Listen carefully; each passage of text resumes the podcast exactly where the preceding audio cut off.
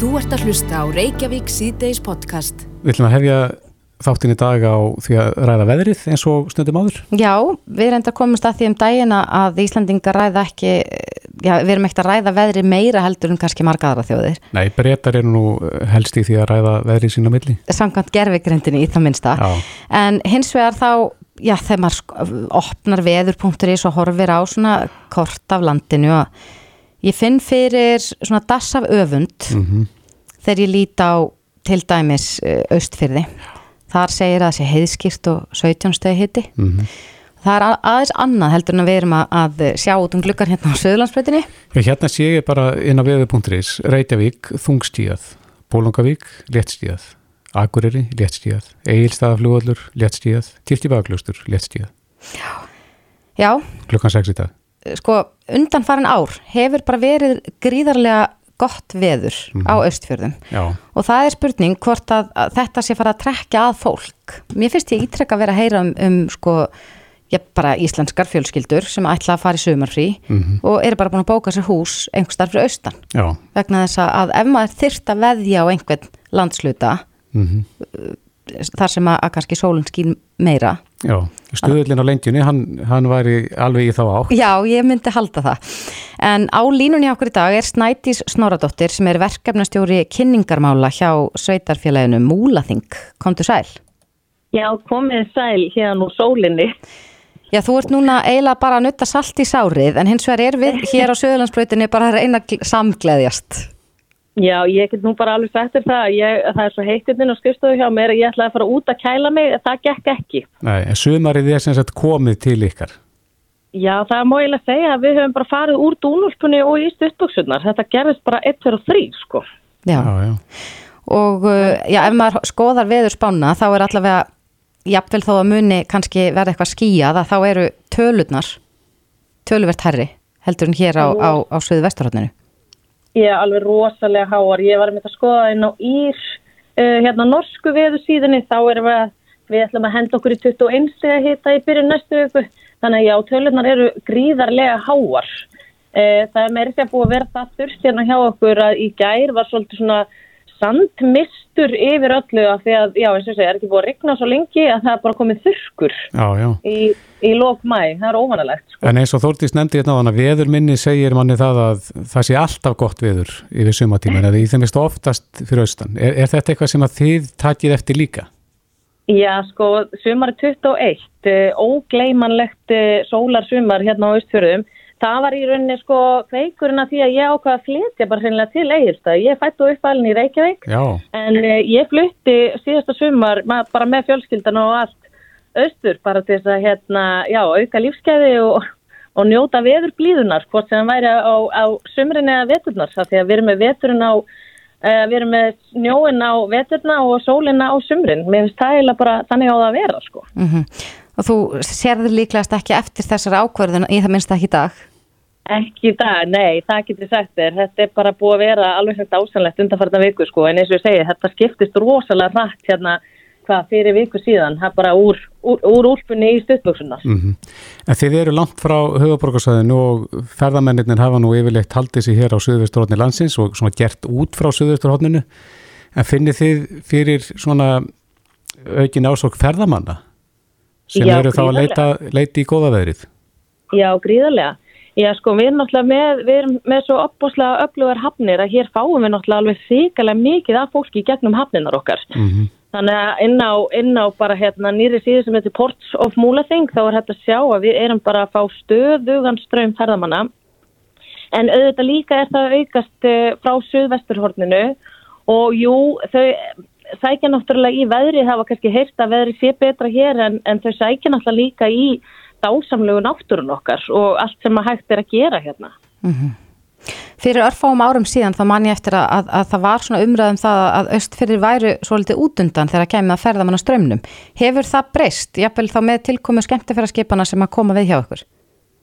Já, ég myndi segja að það hafi breyst mikið og er að breytast og því miður mistum við náttúrulega við voru þess komið þá að laggirnar að beinflug til Þýskalands með hérna flugfélaginu en hérna því miður var bakslagi því þannig að við mistum beinu flugin okkar en við erum náttúrulega með risastórun alþjóðlegan flugvell hérna sem að getur tekið við og, og það er nú stefnan við ætlum að taka við beinum flögum frá Evrópu. Mhm. Þannig að jú, það er, það er verið að breytast og líka eins og með Íslandsstofu og annað. E, Íslandsstofa vill auka aðsókn í land, landslutana. Þau, þau vilja dreifa álæginu. Álægi verður á mikið á söðvesturhóttinu. Þannig að jú, við finnum fyrir auknu, auknu streymi bara alveg gríðarlega. En Snædís, hvað er, hvað er hægt að skoða svona helsti, helsta aðdráttarafli fyrir ferðamenn að, að sjá þarna hjá ykkur? Úf, hvað er að ég byrja sko?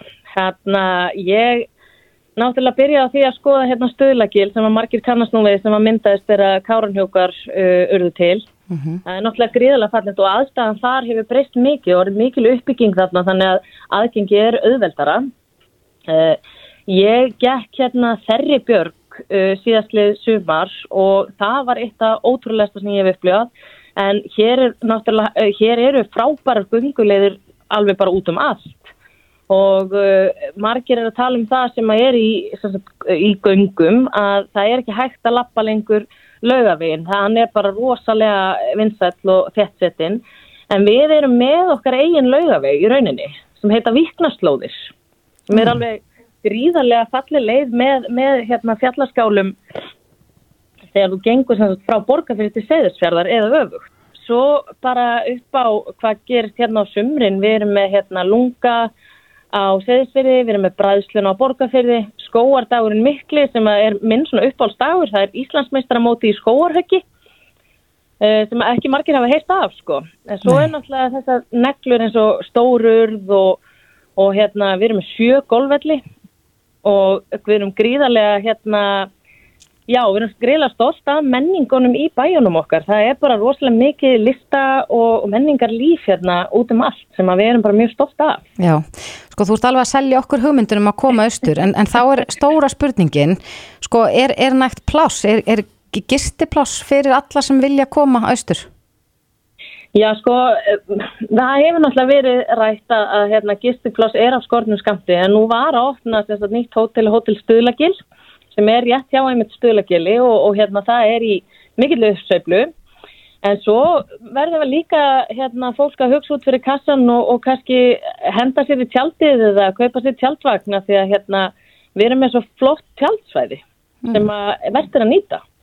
Akkurat. Og náttúrulega, jú, auðvitað, við erum með hótel og gistingar hérna út um allt og, og hérna, eins og ég segi, stjættafélagin eiga hérna bústaði viðsvegar og, og hérna, en ég myndi alltaf kjósa svona yfir sumatíman að slaka í allavíkinni og, og hérna njóta, njóta þess að vera í náttúrunni. Þetta hljómar alls ekki illa og ég held að, að eh, það séu margir farnir að huga að því hvað maður ætla að gera í sumar og, og þeir sem ætla ekki kannski að fara erlendis ætla að ferðast innanlands og við Íslandingar erum auðvitað þekkt fyrir það að elda veðrið. Já. Búist þið við eh, já, miklum ströym af íslensku ferðamönnum í sumar? Já, ég, við gerum það. Uh, og svona meira heldur en í fyrra. Í fyrra var svona COVID að eiginlega búið og, og margir bara, þú veist, brunuðu til útlanda. En nú er svona einhvern veginn fílingurinn aðeins öðru sig að fólk fattaði hvað er skemmtilegt að ferðast innanlands þannig að við erum að búast við mikið af fólki, mikið af Íslandingum og rosalega margir sem ætla þess að bara að, að fara í langa ferð. Ég hef alveg no- nokkurt vinafólk sem ætlar að taka bara ringin alveg á þrem vikum og mér finnst það alveg ótrúlega sjármerandi. En, en hvað með, um, já nú er, er mikið, eða margir sem að kannski miklaða eins fyrir sér að keira austur Já. og það hefur verið bent á það að, að innanlandsflugið getur verið ansi kostnæðarsamt, jafnveg bara dýrara heldur svona að skella sér á meginlandið. Finnið fyrir því að, að fólk svona veigra sér við því að koma til ykkar út af fjarlæðinni og kannski kostnæðinum? Já, jú, jú, jú, ég, við finnum alveg fyrir því en svo er líka ágætt að setja þetta í samhengi eh, ef, þegar fólk talar um að flugið sér dýrt. Eh, ef maður er bara svona smá praktiskur og bókar fram í tíman þá er það nú engin óskup, þá getur maður komist upp með 30.000 fram og tilbaka. Eh, sem að eins og ég hef bent fólki á sem er örgulega læra heldur en að fara bara út að borða veglega í bænum sko. Þannig að maður verður aðeins að hérna velja að hafna líka hvað maður, hvað maður er að gera.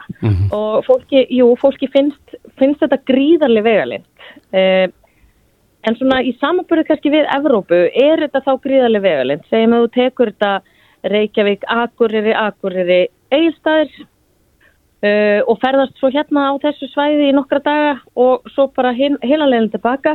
Þetta ferir henni bara eftir hvernig hún horfir á þetta. Keirið í rikk er náttúrulega svolítið mikið en, en það fer bara eftir hvernig maður skiptur þessu upp líka. Já, nú eru margir komnir á rafbíla. Hvernig er Já. aðstæðan fyrir þá svona á þessari leið? Uh, hún er bara mjög fín eftir minni bestu getu. Ég held að sé að það er á kirkibáklustri og höfn. Uh, jú, ég held að séu hlæslustöður bara, er það ekki orðið bara mjög víða?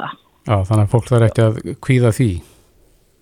Nei, nei, nei, nei, alls ekki. Og svo eru hlæslustöður náttúrulega hér líka út um allt uh -huh. á östfjörðum. Þannig að, þú veist, eins og segi, það er á Akureyri og, og hérna norðurlegin náttúrulega veit ég er vel dekkur.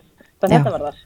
Já, ég held að östfyrðir eins og þau leggja sér eftir að vera ána með það að haf, þú hafi tekið þessu ákvörðun að flytja austur vegna þess að þú ert algjörlega búin að selja okkur þessa hugmynd. En... Já, vissu, þetta bara heflaði mér svo opbúslega mikið lífsgæðin sem því fylgir að búa hérna. Það er, ég bý hérna, það er tvær mínutur í allt sem ég ætla. Já, Já akkurat. Snædís Snoradóttir, verkefnastjóri kynningamála hjá Múlaþingi. Bestu hvaðið eru austur í, í sólina og kæra þakki fyrir spjallið. Takk fyrir og verið velkomin. Takk. Þú ert að hlusta á Reykjavík Já. og uh, þeir lagslöfnu er að reyna að knýja fram kjara bætur. Já, svo sannarlega og, og þetta stefnir í, já nú eru hérna BSRB fólk í, í verkvalli mm -hmm. viða um land og uh, já, mér skilst að, að þau hafi fundað og það hafi bara verið skrifað aftur og bakk. Við fáum hins vegar á sama tíma fréttir af því að laun aðstur ráðamanna muni hækka um 6 til 6,3% um, þann 1. júli. Já, sem að fjármálar þarf að segja hald ekki við eh, verðhækkanir eða verðbólgu. Nei, en það eh, hafa margir rætt um þetta og, og uh, þetta eru já, ríflegar hækkanir þegar maður horfir á krónutölutna þarna og, og margir eins og til dæmis Viljón Birgisson hefur bent á að, að þetta ætti að vera krónutöluhækkanir mm -hmm. en ekki prósentuhækkanir eins og við erum að sjá hér að, að sumir, já til dæmis fórsættisráþra mun hækka í launum um 156.000 krónur. Nei, en á þingi er nú allskynns flokkar og uh, það er nú eitt flokkur sem hefur barist fyrir þeim sem að standa verst í samfélaginu og það er flokkur fólksins. Já og Inga Sæland formaði þess flokks er á línunni, kom til Sælinga. Já, heil og sæl. Já, hvernig slá þessar fréttir þig með þessar hækkanir? Þú ert að hækka ríflega vantarlega sem formaði þings flokks. Já, þetta, þetta slær mér bara alveg hæðilega mér. Þetta bara að vera blöyt tuska í andvita á þjóðinni og ég, segi, ég setti hérna inn á litla fæslu fyrir klukkustund síðan inn á fésbókina og við erum núna að vinna sko að eh, frumvarfi eða þingsáletun, þetta er allt í samstarfi núna við, við nefndarsviðið og stafsfólk þingsins að reyna að koma koma þingsáletun eða, eða frumvarfi, við veitum ekki heldur hvort heldur verður uh, ofan á en uh, það sem við erum að tala um að við erum að kræfjast þess að öllum launa hækkunum aðstu embættismanna verður sko algjörlega verður sko algjörlega sko frestað á meðan að við erum að horfa upp á hér okkur vexti og óða verðbólgu fara um samfélagi sem eldur um akkur og, meðan að verkföld og kjaradeilur eins og þið nefndu nú hérna í inganginum eru á borðinu og þetta er bara eiginlega eins og við segjum í flokki fólksins. Þetta er síðasta stjó, sorta stjórnvöld stíf framvegis líku fordæmi gagvart samfélagi sem er í sárum og við vitum að það er í sárum. Þetta er algjörlega eins og ég segir ennandi blöð tuska í andliti á þjóðinu og nú er skerðingadagur í mikli, nú er búið að, að, að senda gladningin til almannatrygginga þeirra sem að lökustu kjörin og búa við báasta efnahægin í, í samfélaginu nú að verða að senda þeim pistilinn um að fara að endurgreiða út af þessum ógeðslegu, ósangjörnu skerðingum sem að endalust þessir aðilar mega búa við. Hann sagði að hann, hann Birgir Álmarsson fórsett alþingis að, að það þýrst til lagabreitingu til þess að já, bakka með þessar launahekkanar sem eru, eru vantanlegar fyrsta júli og uh, þá velta maður bara fyrir sér sko enga hvernig væri sangjant að þínu mati að þetta væri? Er, er þetta spurningum að það sé bara tímabundið að, að aðstur áðumenn fái ekki já, lögbundnan hækkanir? Eða ættir hennilega bara að breyta þessu? Já, ég meina þessu var náttúrulega breytt, kæraráð var tekið til hliðar og það var ákveðið að, að laun uh, æstu embatismanna og alþingismanna og, og annara væru sko tengt við BHMR, bandala háskólamentara ríkistarfsmanna. Við erum uh, á þeirra í rauninni, það sem eru fríðindi og annars líkt, það er allt saman tengt við kærasamninga BHMR og þar erum við. Við erum að fylgja svona meðan launatróun í landinu. Er það ekki allt í lagi og sangjant? Uh, já, sko það sem er ósangjast og hefur alltaf verið ósangjast og alveg virkilega ljótt og ég held að við getum öll verið samanlega um það að það er þeir sem eru á ofurlaunum, fólk sem er á háum tekjum og er að fá 6% launahækkun það er að fá reysa launahækkun. Í krónumtalið? Já, þannig að við viljum sjá eins og lífskjara samningarnir og annars líkt, það ætti, það er það eina sem ég geti séð að væri virkilega sangjart í stöðun og myndi ná yfir samfélagi við hilsinni, það eru krónutöluhækkanir. -hmm. Já, hvaða sangirnir í því að einstaklingum með margar miljónur á mánuði sé að fá 6% launahækkun á meðan að aðili sem er með 400-500 úrskóna mánu hann er fór sömu prósenduhækkun. En hvað viltu segja við þá ynga sem að segja að, að fyrir ekki þeir sem eru með hærri laun eru kannski með meiri skuldbindíka líka? Já, það er bara þeirra algjörlega í sjálfsvartsett. Þeir, þeir ráða alveg hvernig þeir tennja bógan og allt það og, og ef þeir eru með allt niður þessi vegna þess að þeir hérna, ekki, hérna, snýði ekki stakk eftir vexti og, og kunni ekki með pening að fara þá er það bara þeirra mál. Ég kenn ekki brústum þá sem er með fullt raskata peningum. Það ger ég ekki. Nei, en, en uh, Vilhelm Birgisson hefur bent á að, að Já, til dæmis eðnar menn hafi samið um krónutölu hækkanir en sömur hafi fengið prósentu og þá er eitthvað svona ákveðið þakk 60.000 60 krónu þakk held ég væri það sangjant í ykkar 66.000 krónur sem eru hæstu held ég kjara bætuna núna sem að, að, að, að alþjóðu sambands fólk fær mm -hmm. Væri það sangjant tala fyrir ykkur æstráðundur? Ég, ég meina, fyrir okkur væri bara sangjast að hérna, hafa þetta eins og þetta er og ganga á undan með góðu fordæmi og vera ekki að kalla á eina einustu krónu akkurat núna. Ég meina þetta er mannana verk hvernig ástandi er út í samfélagin. Það er stjórn algjörlega á ábyrg stjórnvalda hvernig í rauninni ástandið er í samfélagin í dag og ég ætla að skrifa stóran líka, sko stór, stóran, stóran eh, hérna skammar eh, lista hvað það var þar beinustu leið á þennan dag Björg Eggersson borgastjóra með öllu þessum lóðaskortu og öllu þessum hryllingi sem að í rauninni við erum að takast á við núna út af húsnæðiskorti og öðru slíku. Þetta er bara gjörsamlega léleg stjórnum frá að til auð. Þetta eru vanhæfi stjórnum og það er komið tími til að fara að gera eitthvað í samfélaginu og, og, og bara kjósendur og þjóðin verða aftur að segja á því að það er á fjögur ára fresti, svona venjulega að springur ekki loft upp eins og gengur, það er á fjögur ára fresti sem við getum skipt um valdhafa á þess að þurfa að vera með mótmæli og skjóta þá eins og í sumunlöndum er gert. Hér getum við og höfum kostningarétt og höfum líðræð og við höfum að nýta það. Og við höfum ekki að gefa þeim umboð sem er að koma svona fram við samfélagi eins og verðum takst á í þetta. Engan. En er ekkert sem að þið getið gert á, náfsakið, er ekkert sem að þið getið gert á þingi? Jú, núna erum við að smíða, núna erum við að smíða frumvart eða þingsalutun eins og ég sagði byrjun, er ekki alveg viss um hvað verður ofan á því að starfsmæðurinn okkar, lögfræðingarnir er að vinna þetta samiðilega af því þetta er við um svo stuttan tíma og þetta eru margi lagabólkar sem tengjast inn í því að breyta, breyta hérna þessari lögbundnu launahækkun sem á að koma til framkvæmda fyrsta júli.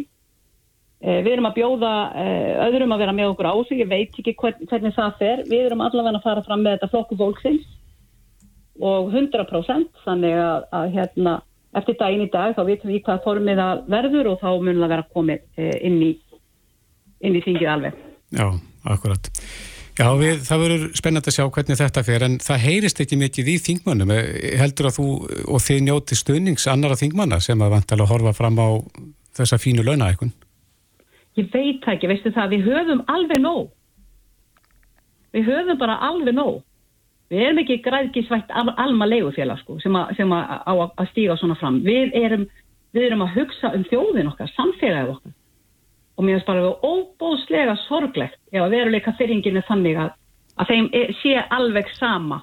Þeim sé alveg sama þó að, þó að þjóðinni blæða stórum hluta og meðan að þeir eru að, að tróða ennþá frekari peningum í, í, í yfirfulla vasa sína. Fyrir. Bara, ég er bara þar. Ef að það? eh, verður af þessum launahekkunum núna fyrsta júli ynga, heldur að þetta verði bara eins og ólja á eldin fyrir, fyrir kjara baratuna og þá kjara samningar sem að verið er að, að já, smíða í þessum tölu orðum? Það bara stýtur að vera. Og hvernig geta ráðamenn og aðstu embættismenn komið fram og vísað alltaf á kjara baráttu láglauna fólk og segja þeim, það sé þeim að kenna hvernig staðan er orðin út í samfélaginu að það sé þeim að þeir verið að passa sig að fara ekki fram á ofháa launahæku vegna þess að fara, að fara bara allt hér á hliðina. Mm. og verið það að seðlabankastjóri sem að, sem að það er nú ekki leið á því að, að tala um þetta. Það er verið að framkvæma nýlega búið að, að kosta 3,2 miljardum upp á Sælabankan eða svörstuloftin þarna í sambandi við eh, ný húsgögn og nýjar tölfur og eitthvað slíkt. Og nú verður að bæta 3 miljardar við í viðbót og það endur bótum á þessu húsnæði. 6,2 miljardar og svo eiga, svo eiga, eiga á þáttakasta fólki í landinu að spara Já. og bara halda áfram að hokra og svelta og ekki eins og að fá að, að, að, að sko lámark, lámark að þessir einstaklingar e, fái kjarabætur sem eru á pari við það kjara gliðnun sem er í bóði stjórnvalda og sælabankastjóra í dag með okkur vöxtum og óða verðbólku hér. En Inga, það hefur aðalega verið gaggrínt að það sé ekki þak á þessum launahækkunum. Væri ráð að koma þessu þaki inn í með breyting á lögum? Sko, ég, ég veit ekki. Það, það er því náttúrulega ákveðið þak að við fyrir að tala um krónutöluhækkun sem að væri sangjörn og eðlileg leið og fekst uh, í feista skipti held ég þess að stórkostlega árangu í, í, í margum tölum frábærum lífskjara samningi sem hefði verið ennþá frábæri ef að stjórnvöld hefði staðið við sinn part af honum. En þar örðu ofan á krónutölu hækkanir og, og sjaldan ef nokkur tíma verið jafn miklar kjara bætur fyrir þessa hópa. Mm -hmm. Þannig og það er þanga sem við eigum auðvitað að fara, við eigum að, við eigum að hérna, sína í rauninni samhygg og gæsku gaggar samfélaginu sem við erum að vinna fyrir. Við erum kjörum og þing til að vinna af heilindum fyrir þjóðina í heilsinni. Akkurat. Það er flokku fólksins alveg sko 100% að gera. Já, Inga við heyrum það að þú vilt ekkert eh, með þessa launækkun hafa og það verður foröfnild að, að fylgjast með því hvernig þið munir tækla þetta nýra þingi en við þökkum þau kella fyrir Inga Sæland, formaður flokks fólksins. Takk fyrir mig. Þetta er Reykjavík C-Days podcast. Jæja, Reykjavík sýtið seldur áfram við rættum hérna fyrir klukkutímanu við Þingu Sæland sem að saða okkur frá því að hún væri með í skoðun að leggja fram þingsálektuna tillögum frestun launahækkan aðstur áðamanna þjóðurinnar og svo þingsálektuna til að koma inn, inn á vef alþingis þannig að þetta var ekki lengi að gerast hjá, hjá þeim Nei. en e, við rákum eh, augun hérna í e, fréttum viðtal sem að var á Rástvöi í morgun það sem að rætt var við Ólinu Kjærúl Þorvaradóttur, rítuund og fræðimann og delta fórsetta félagsvísindarsviðis háskólans á Bifröst um galdrabrennur. Já. En galdrabrennur voru stundar hér á öldum áður, á 17. öld hér á Íslandi. Já, það er ekki lengra síðan. Það er ekki lengra síðan. En eh, stjórnvöld í Connecticut í bandaríkjónum voru meitt nú á dögunum að, að reynsa 12 eh, sem að dæmt voru döða fyrir galdra mm. um meðja 17. öld voru að reynsa þetta fólk á sögum. Já. En Ólína Kjærúlu er á línunu, kom til sæl. Komið sælir. Já, þú hefur skrifað fræðigreinar um, um uh, þetta tímabil. Já, satt er það. Ég, doktorsritgerði mín fjallaði um galdramálin á Íslandi og uh, galdratrúna á 17. Mm -hmm. öld.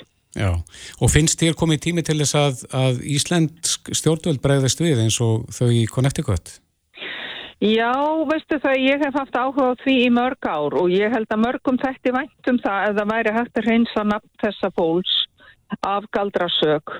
Því að tíðarandin á þessum tíma á 17. öldina þegar verið var að brenna fólk á báli, bæði út í Evrópu, í Bandaríkjónum, í Nýja Englandi og hér á Íslandi. Tíðar, þetta var tíðarandi ákveðins ofstækis Eh, það var mikill galdra ótti út breyttur og kirkjan gekk mjög hart fram í því að, að hræða fólk með djöflinum og vel ráðum hans. Mm -hmm. Og þetta bjagaði í raun og veru alla rétt hugsun á þessum tíma.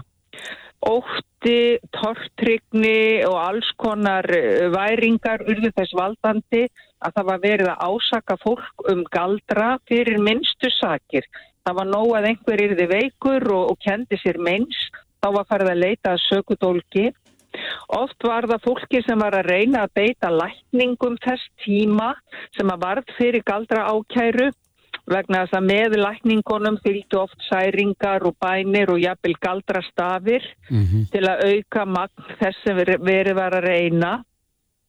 En þetta fólk var brent á báli sem, sem sagt, galdra menn og sem sakamenn og galt fyrir með lífi sínu. Í lang flestum tilvikum var þetta fólk eða var á annar borð að gera eitthvað, þá var það að reyna varnaráð eða lækningar. og uh, ég tel að bara það væri samviskum á fyrir okkur sem samfélag að reynsa minningu þessa fólks en það hefur verið sínt fram á það bæði hef ég komist að þeirri niðurstöðu og menn sem um það hafa fjallað áður eins og til dæmis Árni Magnússon handreitasafnari og Pál Vítalín mm. sem að skoðuðu mjög grænt e, sakir í þessum málum og málsmeðferðina að þetta lögfræðin í þessu var öll í skötu líki og þetta voru ekki, þetta margt af þessu voru tómar lögleysur. Hvað voru þetta margir? Er eitthvað tala til yfir það? Hversu margir voru brendur að báli fyrir þessa sakir? Það fer svolítið eftir í hvernig þið talið sko. Það, tó, það voru 25 manns brendir á báli á Íslandi. Eh, ekki allir fyrir galdur. Árið 1343 var nunna brend á báli fyrir að hafa lagst með leikmönnum eins og það var orðað. Var, sagt, það var eh, lauslæti og, og hefði þar með gert samning við púkan það var svona villtrúa brenna má segja. Svo var eh, kona eh, að öllum líkjendum brend árið 1580 sökuðum að hafa hérna alið tilbera. Önnur var brend á báli 1608 fyrir að hafa myrkt barn, skellt í ofan í sjóðandi grötarpott. Mm -hmm. En þannig að fyrstu brennurnar eru konur Síðan byrja sko galdra brennurnar þar sem verið er að saka fólk beinlínis um galdur og þeir sem voru dæmdir eða þess að brendir eftir dómi sem galdramenn voru 23. 23 staðfistar? Já. Já. Og það hefur ekki, ekki þurft mikla sakir til eins og þú segir? Nei, það þurfti ekkert mikla sakir til það, og þetta var svolítið misamt eftir landslutum eftir því hvað yfirvöldin í hverjum landsluta voru áköf að, að, hérna, að saksækja galdra fólk. Á Östurlandi til dæmis var engin brendur á báli en það var fjöldi manns brendur til dæmis á vestfjörðum. Þar sem að saminuðu krafta sína prófasturinn í Selárdal og lögmaðurinn að norðan og vestan, mm -hmm. Pál Björnsson og Þorlifur Kortsson og oft voru þetta eh, ástamál líka að menn voru, það var eitthvað verið að það voru framhjáhöld og einhver svona ástamál eh, sem að blönduðist inn í ásakanir um vannlíðan og þjáningu og, og uppspratt afbríðisemi og alls konar erfiðar tilfinningar sem að hafa líka valdið því að menn voru saksóttir og það eru, ég veit um nokkur dæmi þess sem að er hægt að lesa það í gegnum gegnum á milli línana. Já, en Ólina þetta er, er hryllilegu döðdægi, af, af hverju beittum en þessari aðferð?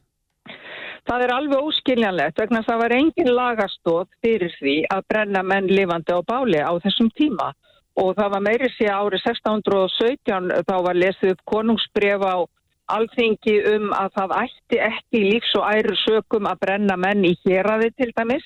Það er það vísast líku til yfirréttar en það var ekkert farið eftir því. Það voru, það voru fjöldimanns brendu um það til helmingur þeirra sem var brendur á báli var brendur eftir hérafsdómi en ekki eftir dómi alþingis sem var domstóll á þeim tíma og uh, það var heldur engin lagaheimild fyrir því að brenna fólk lifandi á báli. Það var bara einhver vennja sem hafði komist á í Evrópu og menn fóru að týrka hér án þess að væri neinn lagastóð fyrir því lífláts aðferðinni þar að segja. En þér finnst komið tími til þess að stjórnvöld takja á þessu og, og byggist þá formlega afsökunar á þessum brennum? Já, mér finnst það og eins held ég að það væri líka verkt fyrir fræðarsamfélagi til dæmis bara lagadeildirnar og, og, og, hérna, og þjóðfræðadeildirnar að set, slá saman kröftum sínum og fara bara yfir þessi mál, gömgefa þau og gefa út álit um hvernig að þessu var staðið og bara þau geta aðhenta domstólum sem geta síðan úrskurðað og hreinsa þetta fólk. Já, þetta væri verðugt verkefni fyrir fræðarsamfélagið. Kæmi til greina þínu viti að, að setja saman eitthvað að nefnd, þingnend sem að færi... Já, mér finnst það, mér finnst það, bara vel, mér finnst það bara vel við hæfið að gera það, setja saman þingnend til þess að fara yfir þessu mál með aðstóð þeirra sem best þekkja þennan málaflokk. Einmitt. Það væri mjög góð leið. Já. Dr. Ólína Kjærúl Þorvaradóttir, deildafósetti félagsvísindasviðis Háskólans á Bifröst. Kæra þætti fyrir spjalli, þetta er áhugavert. Kæra þætti. Takk fyrir, takk. Bless. Þetta er Reykjavík C-Days podcast. Jæja, nú ætlum við að halda aðeins áfram að tala um uh, það að laun aðstu ráðamanna muni hækka mm -hmm. uh, mánaðamótin júni-júli, eða fyrsta júli og þetta uh, hefur vakið svona mikla úlfuð í samfélaginu, maður sér það alveg á meðan að það eru verkföll í gangi og, og uh, já, kjara baráttan í, í hæstu hæðum mm -hmm. að þá sjáum við það að aðstur ráðamenn er að hækkum alltaf 156.000 krónir í launum á mánuði. Já, en um, 6 til 6,3% í prosentutalið. Akkurat. Við töluðum við Ingu Sæland áðan sem að sagði að, að þetta væri, já hún notaði alls konar gífururði, mm -hmm. hún Inga eins og hún átilum að gera og, og þarna talaði um að flokkur fólksins ætlaði að leggja fram annarkvort frumvarp eða þingsáleiktun uh, á þinginu núna já. til þess að reyna að fá þessu breytt. En á línun hjá okkur er Vilhelmur Birgisson, verkalýs leitói og akranissi kom til sæl og já, formadur starfgrænssambatsins. Já, komið sæl. Svona þín skoðun á þessu? Já, ég held að mín skoðun lúti fyrst og fremst að því að við skulum átt okkur að því að uh, aðstu stjórnendur þessa lands og Sælabankin hafa hér uh, á undanförnum uh, vikum staði hér á hverju torki og öskrað hátt um að kjara samningar á einum almenna vinnumarkaði hafi verið óábyrgir, mm -hmm. uh, hafi kostað og mikið sem hafi valdið því að verðbólkan uh, hefur verið eh, mun meiri heldur en ella. Uh, við fengið mjög först skot frá Sælabankanum þar sem að hann hefur hækkað stýrivexti núna frá því að við undirrituðum kjara samninganum heil 3% stygg og á sama tíma og þetta er að gerast að þá kemur núna fram uh, upplýsingar um að aðstu uh, ráðamenn íslensku þjóðarinnar sé að hækka, jú, og takkið eftir um uh, 6,3% en þetta er svona uh, góð vísbending um hvað prósentur blekja vegna þess að Uh, hækkanir nema hjá óbreyttum uh, þingmanni, hvað þetta er kringum 84.000 krónur og alveg upp í 156.000 hjá fórsættisráðura en við skulum ekki gleyma því að þegar við gengum frá kjærasamningunum á hennum almenna vinnumarkaði þá samtið til dæmi starfskriðarsambandi einungis um krónutölur og meðaltalið okkur var 43.000 krónur. Uh, hins vegar samtið vafðer og yfirnaðar menn um uh, uh prósentutölu sem var 6,75% en takkið eftir það var hámark á þeirri uppæð sem er 6,75% gáttu gefið. Mm -hmm. Það hámark var 66.000 krónur þannig að þegar þú varst komin upp í svona 970 krónur í laun þá gastu aldrei fengi meira heldur 66.000 krónur. En þarna koma aðstur áðamenn og Sælabankin, því ég held að hann heyri undir þetta líka, ég held að sínist að hann muni fá launahækku sem hefur 140.000 sem að þýði bara mannamáli að þau verður að taka svona 113% meira í, og herri launahækkun heldur en við þessu óabryggu sem að þau verður að öskra á uh, taka sér núna. Og í þessu finnst við vera fólki bara algjör hræstni og uh, má vel að segja eins og ég sagði píslis ég skrifaði í gerð það er eiginlega svona eiginlega algjörð lámark sem þetta ágæta fólk geti gert það er að faga, það er bara að feia við erum ekki að benda hér á verkeflisefingun á sama tíma og, og þessi hlutur er gerast. Mm. En Viljarmur, hafa prósentuhækkanir gengið sér til húðar þar sem manni finnst einhvern veginn eins og menn sé að og vilji hverfa frá þannig hækkunum og miða þá freka við krónutöluhækkanir?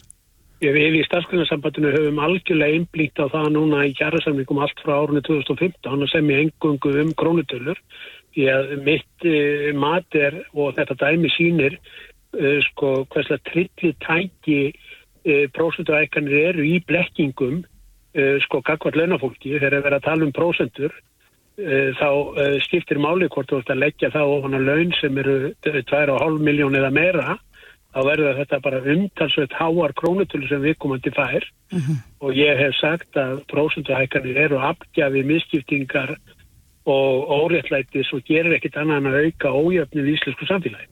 Akkurat. En, en eh, já, nú hafa einhverjir haldið því fram að þessir einstaklingar eh, já, eru kannski með meiri og starri skuldbindingar en aðrir. Eh, finnst þér það gefa einhverja vikt í þessu umræðu?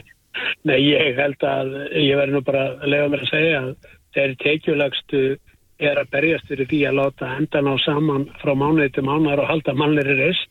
Þannig að trúið mér, ég hef nú meiri samúð með þeim sem eru á þeim enda uh, tekistegans heldur að vera sem eru uh, upp í efsti lögum. Ég en að bara segja það alveg svo er. Já, en uh, núna upp á síðkasti og sérstaklega kannski í kringum já, stýrivaksta hækkanirnar þá skapast mikil umræða á þingi og, og heyrist hátt í, í þingmönnum og stjórnarandstöðu sem og, og stjórnarflokkunum um ástandið. Kemur það að óvart að, að það skuli ríkja svona ákveðin þögn um þetta? Já, ég vil nú að lefa mér að segja það. Sérstaklega ljósið þess að margir stjórnmálamenn hafa talað um að vinnumarkasmótil séu ó, uh, ónýtt að þetta er að taka upp nýtt vinnumarkasmótil það þurfa að beistla þær launahækanir sem að verkefnisreifingin er að semja um, hún séu óábyrg og ef við horfið bara á þessa blákvöldu staðrindir og við vorum nú ekki meira óábyrgandur það að e, e, svo vaffer og innan menn þeir sömdu um prosentustölu en þeir voru með hámark á henni. Þessu ágæta fólki þetta það ekki til hugar að fylgja almennamarkanum og fara að fortaði með okkar. Nei, á sama tíma gaggrínaðir meira segja þær, e, þá kjærasamlinga sem við gerðum í, í, í desember. Telja þeir, þær hækana að vera allt og, og miklar og sé að valda hér þessari, að hluta til þessari verðbólku sem við erum að horfa upp á og þessu miklu stýrifasta hækunum. Þannig að mér finnst vera fólki bara í þessu algjör hæstni. Já, en það eru margir sem að horfa með öfund á þessar hækkanir núna, það er að segja var ekki hægt að fá bara sama fyrirkomulagi við línuna að launin hækkuði bara sjálfgrafi hjá fólki í takti það sem að gerist í samfélaginu? Mér finnst það náttúrulega bara eðlert og mér finnst náttúrulega bara eðlert að við einblýnum á það að reyna að semja hér um, um í krónutölum. Það er réttlátast vegna þess að Eh, ekkert okkar fer með prósundur út í búð og, og, og, og borgar uh, hérna fyrir maturinn eða borgar sína reikninga með prósundunum það eru krónutölunum sem kom í umslæði sem að skipta mestu máli En væri hægt að tengja launahækkanir bara almennt í landinu við einhverjar vísutölur?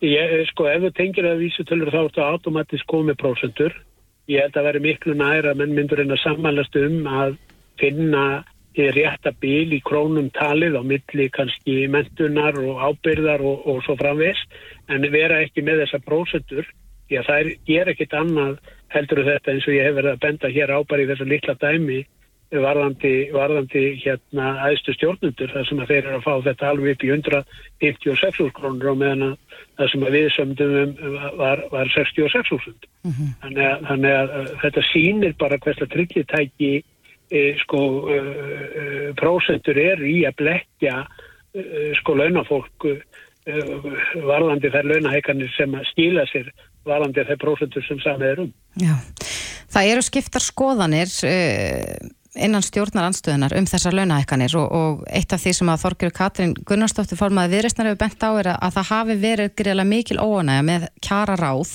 og þess vegna hafi þessi, fyr, þessi fyrirkomlega verið breytt. Hvað væri hver væri besta lausnin eins og staðan er núna Vilhelmur? Ættu þau að, að taka á sig já, einhvers konar tímabundna skerðingu eða þarf seinlega bara breyta reglunum alfarið? Það var náttúrulega mikill hamagangur öskinni þegar að kjararáð hækkaði aðstu stjórnundur um 44% hérna fyrir einhverjum árum síðan. Þess vegna var kjararáð lagt niður því að þá fór samfélagið á annan endan og þetta fyrirkomulega var tekið upp. E, eina sem ég er að byggja um er að það fari saman hljóð og myndi á því fólki sem er að gaggrina verkefnisveifinguna fyrir óbyrga e, kjærasamlinga að líta sér nær og e, predika það sem að það er sjálft að bóða e, því að þetta fólk er að taka, eins og ég sagði áðan, alltaf 113% meiri í krónumtalið heldur en það sem við sömdum um á einum almenna vinnumarkaði Þannig að ef að fólk vil vera sangkvæmt sjálfu sér í sinni gaggrin á verkefnisefinguna þá þýðir það ekki að haga sér svo strútatir og stinga bara husnum í sandið þegar það kemur að því sjálfu. Nei. En hvað gerist ef að þessar hækkanir verða eh, veruleika? Þetta er náttúrulega bara inn í þetta heildarpúk sem við erum náttúrulega bara að vinna með núna eh, sko varðandi kjærasamlingana á hinnum almenna vinnumarkaði sem að verða lausi núna í eh, loki janúra næsta ári. Og, og, og það líkur alveg fyrir að Þetta mun ekkert hjálpa til við löst þeirra. Þegar e, alþingismenn hafa sendt út núna stílabóð og, og aðstu stjórnundur í gegnum þessar hækkanir Þannig að uh, það er eitt, eitt er víst að uh, ekki voru við óábyrg í síðustu samningum. Uh, það er einhverju aðri sem að verða að taka það, taka það til sín. En nú kunni ykkur að segja að þetta eru svo fáir einstaklingar sem að þarna eru undir, það hefur ekki áhrif á stórumyndina?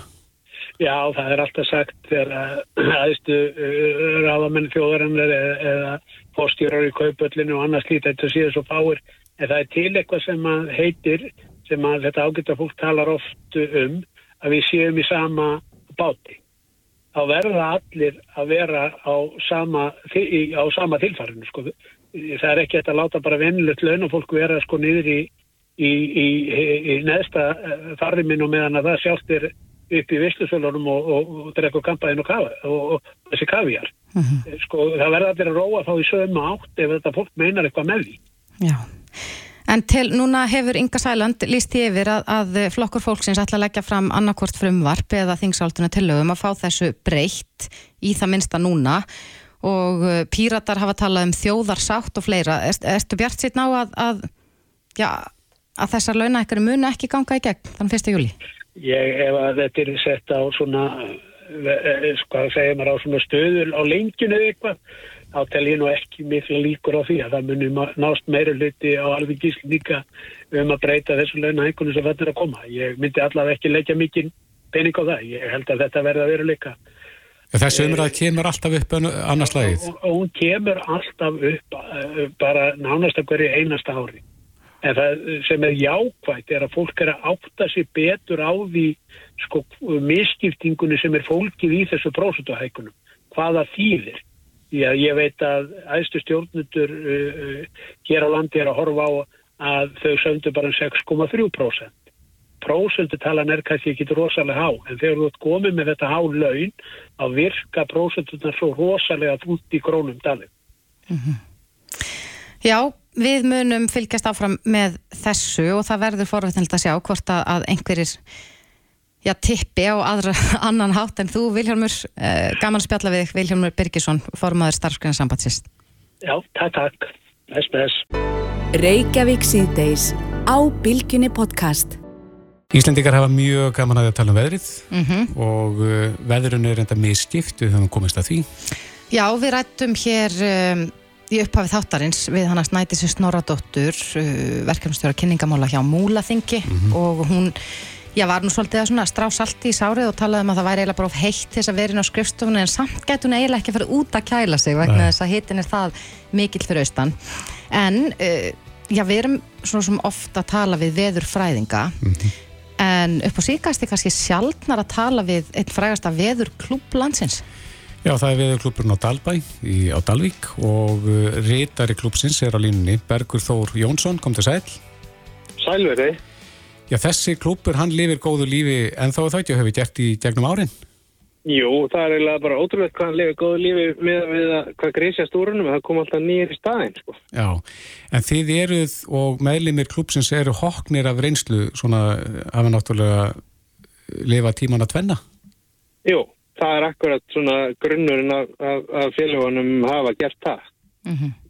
Meðalaldurinn er, er hérna, ég held að ég sé að skemma þetta aldrei mikið fyrir en já, meðalaldurinn er óbyggilega næri 80 fyrir eitthvað annað. Já, þessi, þessi klúpur á sér langa sögu, hvernig, hvernig fara þessi fundir fram þar sem þeir eru að spá í veðrið?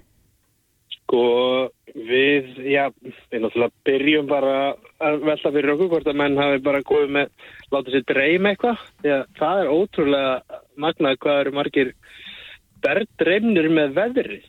Já.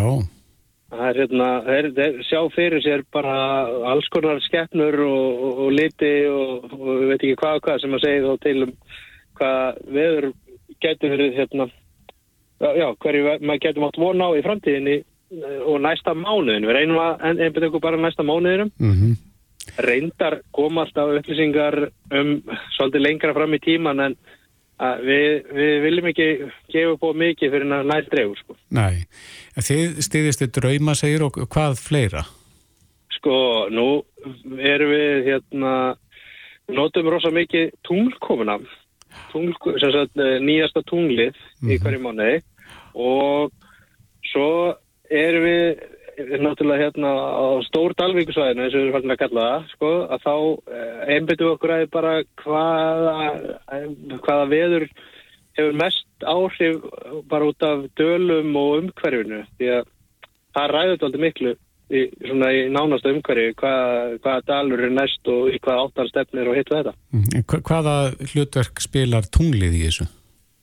Það er svolítið magnað að bæði eins og tunglið hefur mikil áhrif á sjáarföll og, og nýtt tungl verðist hafa áhrif til þess að hérna á vindáttina og ríkjandi vindátt næsta mánuðin Já, og ég persónulega svona, svolítið svona vísinda þengjandi og ég er ekki ennþá bara að finna rökin fyrir því akkur, akkur nýtt tungl hefur þetta mikil áhrif á í hvað átt vindurinn blæs. en þið, ha- þið hafið í, í þessum um, klubb verið ansi sannspá eða þið búin að vera að, að funda upp á síkastið og, og hefur það gengið eftir? Já, það hefur gert það. Uh, ég hef búin að vera í tæp tvö ár, verið þess heilis aðnefum að vera reytar í klúsins Mm og hérna það hefur, ég man eftir tveimur mánuður sem við hittum ekki alveg á en á sagt tæpi tveimur árum og þá hafa það bara verið að hitta alveg þræl vel á veður spána fyrir næsta mánuðin. Auðvitað eru mismunandi dagar en svona ríkjandi veður hefur að vera að hitta á. sko. Þið komið saman síðast það ekki í apríl? Uh, núna í byrjun mæ komum við síðast saman. Við hittust uh, fyrsta þriðið hvers mánuðar Já. og, og hérna, Og voruð þið þá að velta fyrir ykkur veðrinu í mæ? Já, og í byrjun mæ tökum við mæ veðrið Já. en hérna, Og hvernig var spáin fyrir mæ? hún, hún var bara, já, sko, að því að við spáum fyrir okkar svæði, Mm það var bara nokkuð góð og, og hérna, við mættum bara eiga vona á aðeins meira vori og svona bjartari og minni úrkomu en mann ég hann ekki alveg orðið en uh, það eru svona kaldur samt mánuðurinn og það hefur bara staðist. Mm Eru þið eitthvað að spá í, í eh, annað en, en stór Dalvíkursveðið? Sko, við höfum fengið alveg beðinir um það að spá fyrir höfuborgarsvæð og svona Já, en við reyndum að vísa því á höfuborgarbúa og þá bara reyna að hvetja menn til þess að- að að, hérna, peka upp svona veðurglögga menn á svæðinu og, og búa til klúb þar. Já, stopna veðurklub í, í Reykjavík? Já, það er bara, veist, það, á að gera það, það er nóga fólki, sko. Já, en þarf þetta að koma bara í bæin og, og kenna fólki?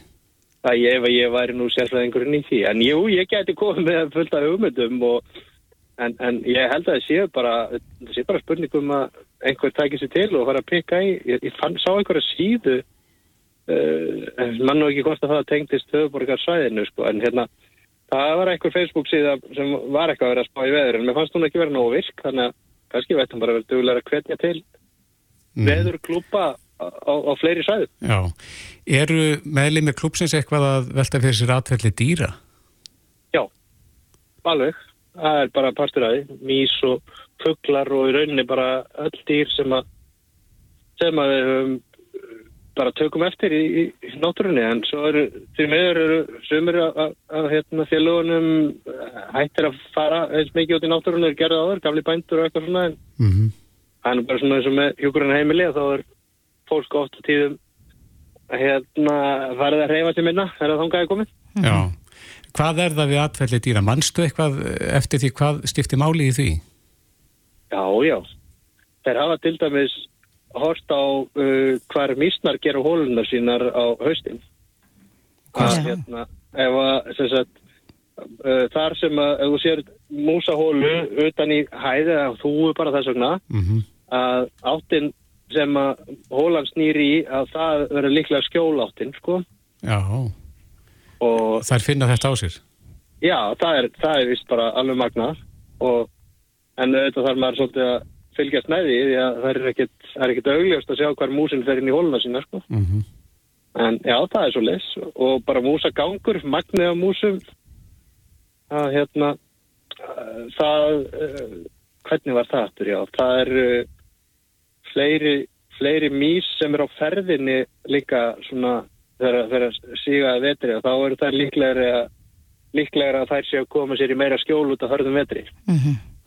En, en Bergur, ég þykist nú vita það að þú sért ekki áttræður, þú talar um meðalaldurinn hérna áðan. Hva, hvað ert þú gamall og, og ert ekki að læra helling af, af þessum klubbi? Já, ég er á endalösu námskeiði hjá þessum stillingum, sko. Ég er bara 51 árs. Þannig að ég fæ ekki, sko, heimil til þess að koma og búa með þeim fyrir en, já, í fyrsta lagi eftir, hvað, 18 árs. Já, verður rítari þangað til. Já, já, ég fæ að vera með. Ég er starfsmæður, sem sagt, ég sé um félagsstarf aldrara á Dalbæi og þetta er partur af því. Komið þið þá sama næst í, í næstu viku, þriðvitaðin til þess að fara yfir júnisbána? Já, hún, hún ætti að vera tilbúin bara á þessum tíma eftir akkurat viku, sko. Já, við fáum að vera kannski í sambandi við þig til þess að fá nákvæma spá frá klubnum. Bara endilega, bara á allt velkomið. Já, Bergur Þór Jónsson, rittari Veðurklúb Stalbæjar, kæra þakki fyrir þetta og bestu kveður til ykkar. Takk sem leiðis. Reykjavík síðdeis á Bilginni podcast. Við rákumst á eh, ansi merkilega grein inn á mbl.is þar sem er verið að tala um tunguheilsu og tungusköfu sem að sögð er mikilvægari en tampusti. Já, mér er þess að tvöfalt mikilvægri en tampusti Já. og uh, það merki, sko, þetta er ansi merkilega lesning og ég, mér finnst ég nú að hafa heyrt um tungusköfur áður en, en kannski ekki alveg hvers vegna þær eru gaglegar. Nei. En þarna er talað um að já, tunguskafan geti meðal annars dreigið úr hjarta sjúkdómum. Það er ekkert annað. En við eh, okkur skilst að þetta sé tengt þessum eh, ævafornu æjurveta fræðum og línunni á okkur er Heiða Björk Sturldóttir sem er æjurveta sérfræðingur. Komdu sæl og blessuð. Sælverði. Já, eins og við segjum að þá er þetta uh, eitthvað frekar nýstárlegt fyrir okkur. Við höfum ekki heyrt um, um gagsimi þessa að skafa tunguna. Um hvað snýst þetta? Sko, það er getið um þetta í hinnum fornu vísindum æjurveta sem eru elstu heilbreyðisvísindi veraldar, meirum 5.000 ára gömur og tunguskafan er bara liður í góðri svona munn heilsu í rauninni. Og það eru þessar eh, bakterjur sem að, og óhreinindi sem að sapnast á tungunni þegar líkaminn er að, að reynsa sig og losa sig við eiturefni og úrgangsefni í sérstaklega yfir nóttina. Og, og svo sapnast þessi óhreinindi á tunguna og við vöknum, förum á fætur og fáum okkur morgumat og kingjum þessu öllu nýður aftur. Þannig að stór hluti í að viðhalda góðri heilsu að það er að reynsa þessi óhreinindi af tungunni strax sem fyrsti liður í því sem að maður gerur á mótnana. En er, að maður vil ekki fá þetta aftur onni maðan, sko. Er líka með sem sagt að, að losa sig við þessi eiturefni og skila því upp á tunguna þá í, í svefni?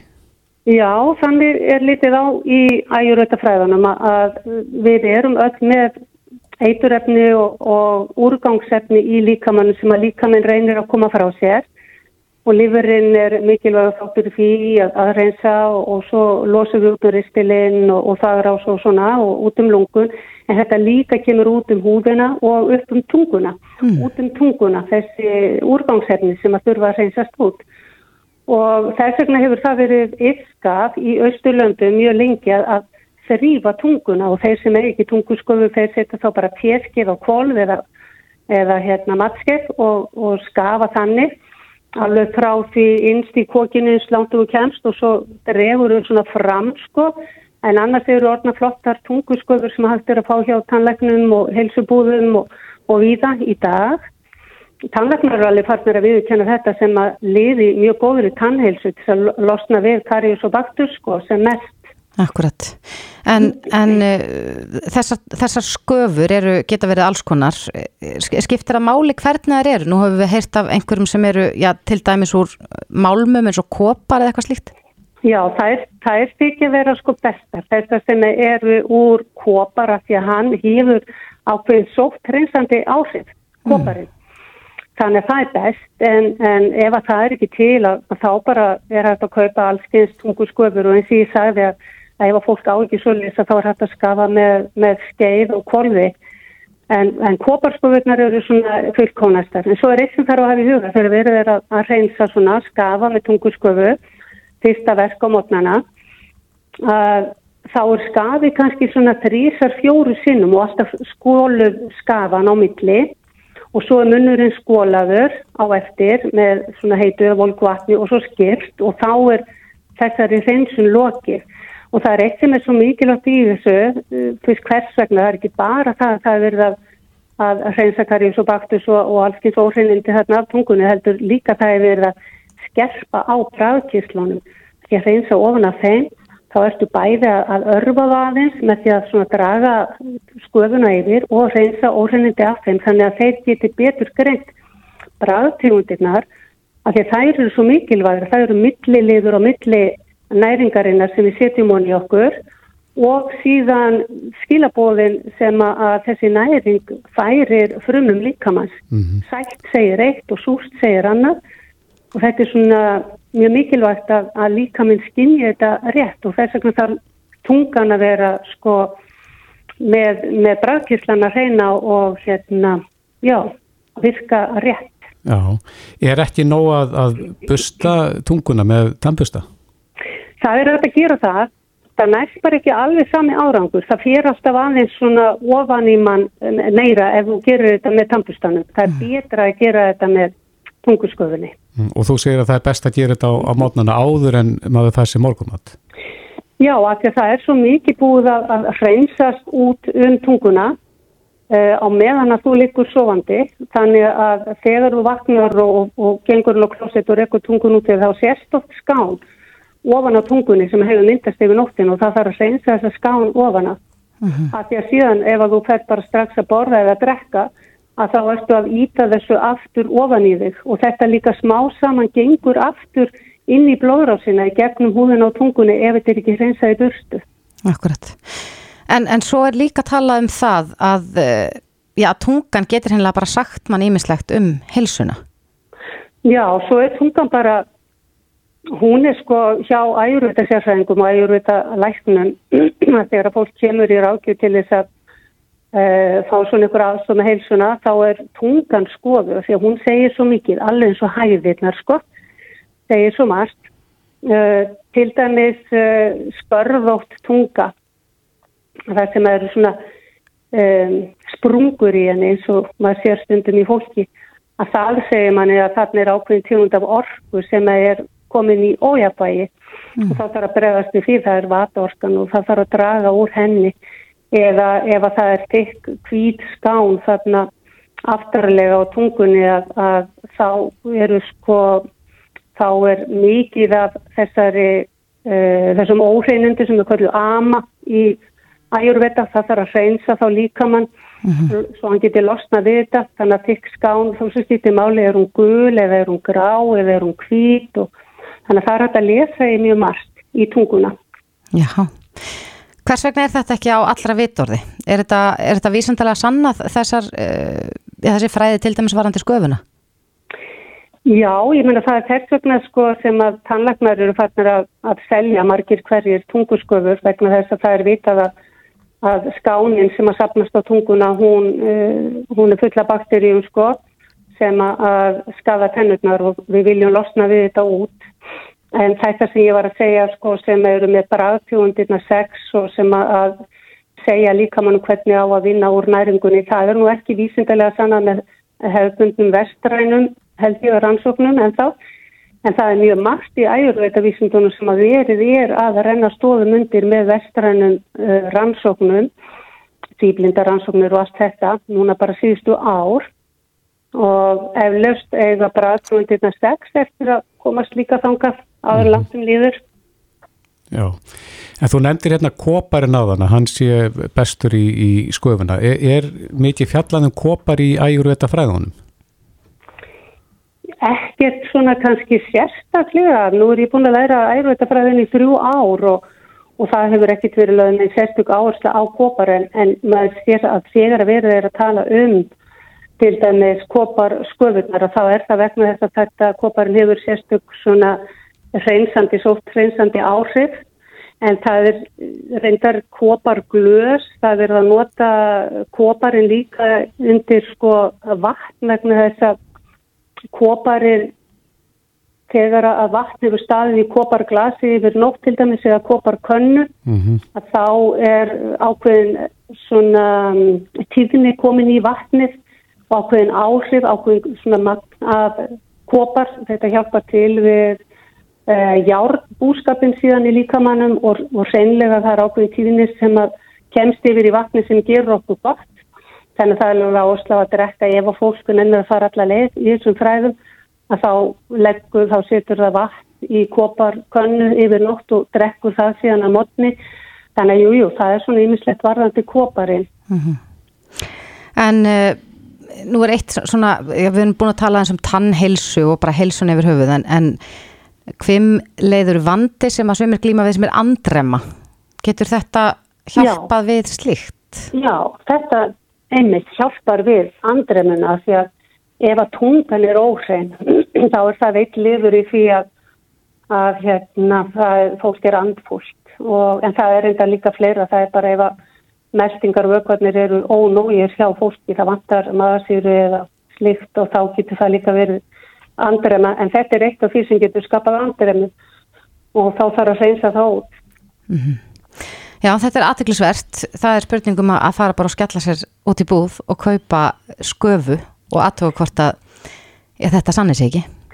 Já, það er sko, það er alltaf fleiri og fleiri sem er að byrja að ástunda svona ayurvediskan lífstíl og þetta er eitt af því sem þú gerir sem svona góð morgun rútína til þess að fara vel inn í daginn og það er að vakna og þú ferði inn á klósett og þú skefur tunguna og, og svo ferðu inn í eld og svo drekkur fullt glas af heitu vatni til að hjálpa til að reynsa líkamann og, og svo heldur áfram og tekur alltaf fleiri og fleiri af svona góðum síðum úr æjurveita fræðanum inn í lífið eitt og þetta er eitt af því mikilvægara og rosa gott að byrja á þessu. Já, þetta eru fína ráleitingar til þess að byrja daginn. Heiða Björk Sturldóttir, æjurveta sérfræðingur. Kæra þakki fyrir að ranni í gegnum þetta með okkur. Já, njótið. Hlustaðu hvena sem er á Reykjavík C-Days podcast.